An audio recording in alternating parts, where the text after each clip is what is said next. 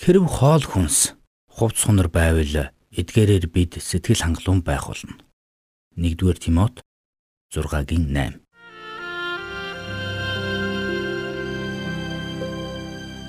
Мэргэний сонсог, мэдлэгийн тэлэг. Ухаалх нь мэрэгэн өдөртөмжийг мөн авах. Доктор Харалт цаалогийн мэрэгэн зөвлөмж нэвтрүүлэг.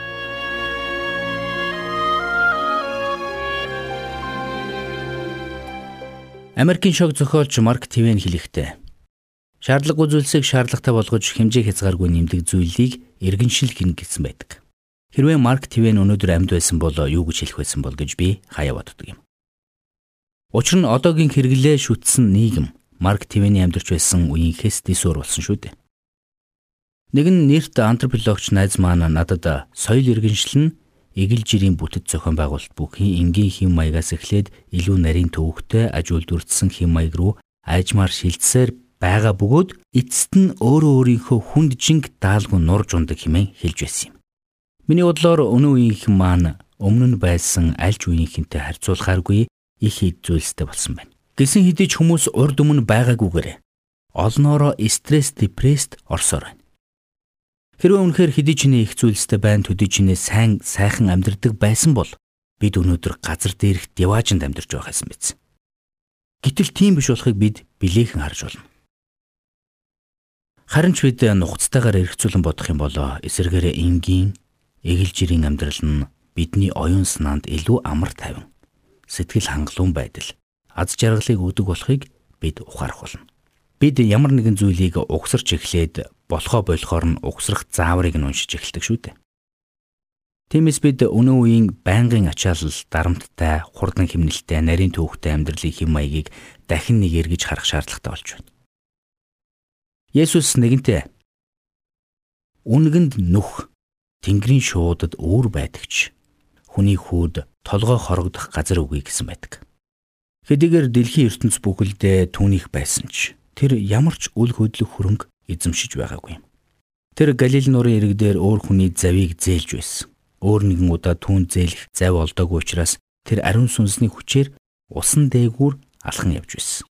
Эцэст нь түүнийг цовдлох үед түүнд өмссөн хувцснаас нь өөр эд хөрөнгө байгаагүй. Тиймээс цэргүүд түүний хувцсыг хэн авахаа шийдэхийн тулд шодож байсан. Гэтэл эсэргээрээ бидэнд тэр бүр байдаггүй хоёр чухал зүйл түүнд байсан. Эхнийх нь амар тайван. Харин хоёр дахь нь эгэл жирийн байдал. Өнөөдөр маш баян чинэлэг атлаа огт аз жаргалгүй амьдарч байгаа хүмүүс олон байдаг. Эндээс мөнгөөр аз жаргалыг худалдаж авч болдоггүй гэдгийг харж байна. Нэгэн цагт бид дэлхийн хамгийн баян хүмүүсийн нэгд тооцогддог байсан Жан Пол Гити нэгэнтээ гэр бүлийн аз жаргалын төлөө бүх эд хөрөнгөө өгөхөөс ч буцахгүй хэмээн хэлж байсан. Гэсэн ч тэр энэ үгээ амьдралдаа хэрэгжүүлээгүй юм. Учир нь мөнгөний хүлээснээсээ тэр өөрөө ч гарч чадхааргүй болсон байсан. Гэхдээ энд би мөнгөгүй байх, ядуу байх наз жаргалыг бий болгодог гэж хэлэх гээгүй юм шүү. Харин аз жаргал нь мөнгөөр худалдан авч болох эд баялгаас хамаагүй дээр гэдгийг л хэлэх гэсэн юм. Эзэн Есүс бидэнд өөрөө үнийг сургасан. Цаашилбал тэр бидэнд эгэл амьдралын нууцыг зааж өгсөн юм.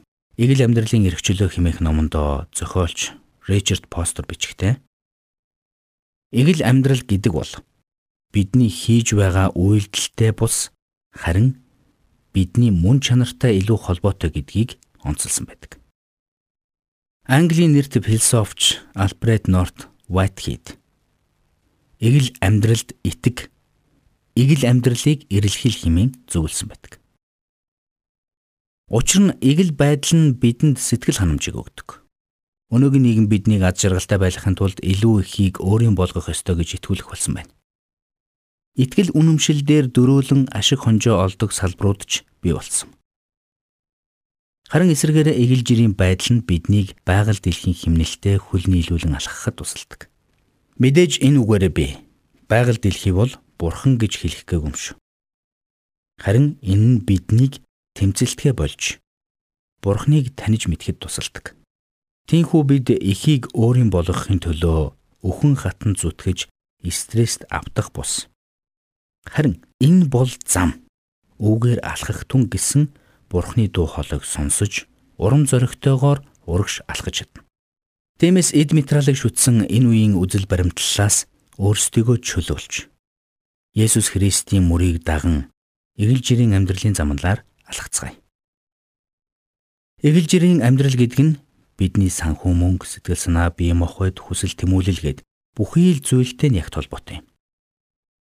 Энэ бол өнөөгийн стрессээр дүүрэн амьдралыг эмчлэх Бурхны ерөндөг юм шүү. Тиймээс та энэ талаар нухацтай бодож үзээрэй.